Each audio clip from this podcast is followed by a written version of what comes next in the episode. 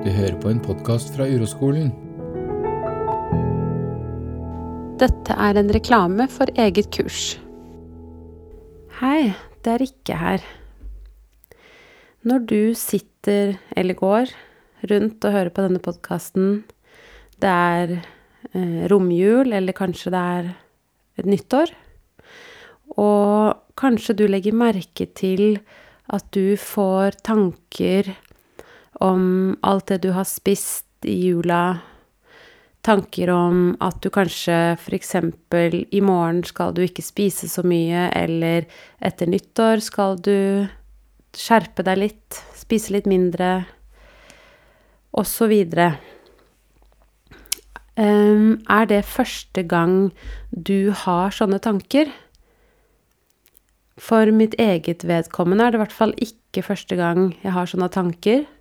Og jeg merker jo at mitt mønster, som er å forsøke å spise rett, at det forsterkes i jula. Jeg legger merke til at jeg Det kommer av og til tanker om at nå har jeg spist litt mye, eller kanskje jeg skal ta et lett måltid, eller ja, du vet. Alt det der. Så jeg kan tenke meg at hvert fall hvis du er litt sånn som meg, som har mat som et drama i ditt liv, så er det kanskje sånn for deg også.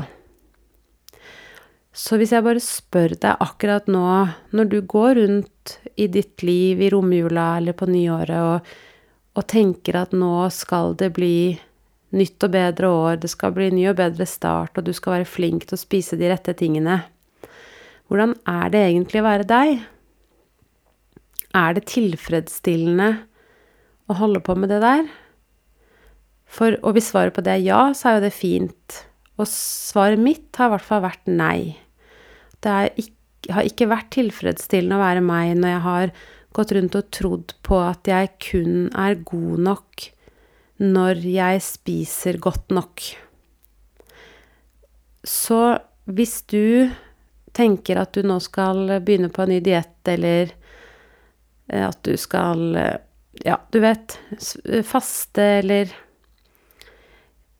gå på en middelhavs pulsklokke, spisevindu-diett i januar, eller noe sånt. Kanskje ikke det er første gang du gjør det i januar. Så da har jeg lyst til å oppfordre deg til å prøve noe nytt i år. Og noe nytt kunne jo f.eks. være å komme på kurs med Monica og meg 17. og 18. januar, for da skal vi ha kurs om akkurat dette temaet. Hvor vi er sammen en gjeng av mennesker som har dette som et drama i livet, og hvor vi prøver å se på uroens betydning når det kommer til dette med mat. Fordi det er jo ingen tvil, for meg i hvert fall, at det har noe med uro å gjøre. Og det har noe med dyp smerte og dype, smertefulle følelser å gjøre. Det har også det, dette med å forsøke å kontrollere maten har også noe med eksistensiell uro å gjøre, tror jeg, da. At vi har bare funnet ut at mat kan brukes som en strategi. Vi har ikke funnet ut av det engang, det har bare skjedd. At vi har havna inn i, i noe som er drama med mat. Kunne jo like godt vært noe annet. Men da skal vi være sammen i to dager og bruke nettopp dette med mat til å komme inn på eller inn mot den uroen som du og jeg og alle andre mennesker har. Og vi skal prøve å se på den, møte den. Og grunnen til at vi er der, er jo fordi at vi skal prøve å gjøre noe nytt. Og i hvert fall så er min og Monica sin erfaring at det har blitt annerledes. Det har blitt lettere å være meg i jula når jeg spiser masse god mat, drikker mer vin enn jeg pleier. Det er ikke helt fravær av drama, men det har blitt helt annerledes. Og jeg tror det har noe med at jeg har øvd på å møte min egen uro i mange aspekter av livet, men også når det kommer til dette med mat og kropp. Så um, hvis du har lyst til å få noe nytt, så må du gjøre noe nytt. Og jeg vil si at det ville vært noe nytt hvis du ikke har vært med på kurs før, da. Men det kunne vært et nytt kurs, i hvert fall. Så bli med, da.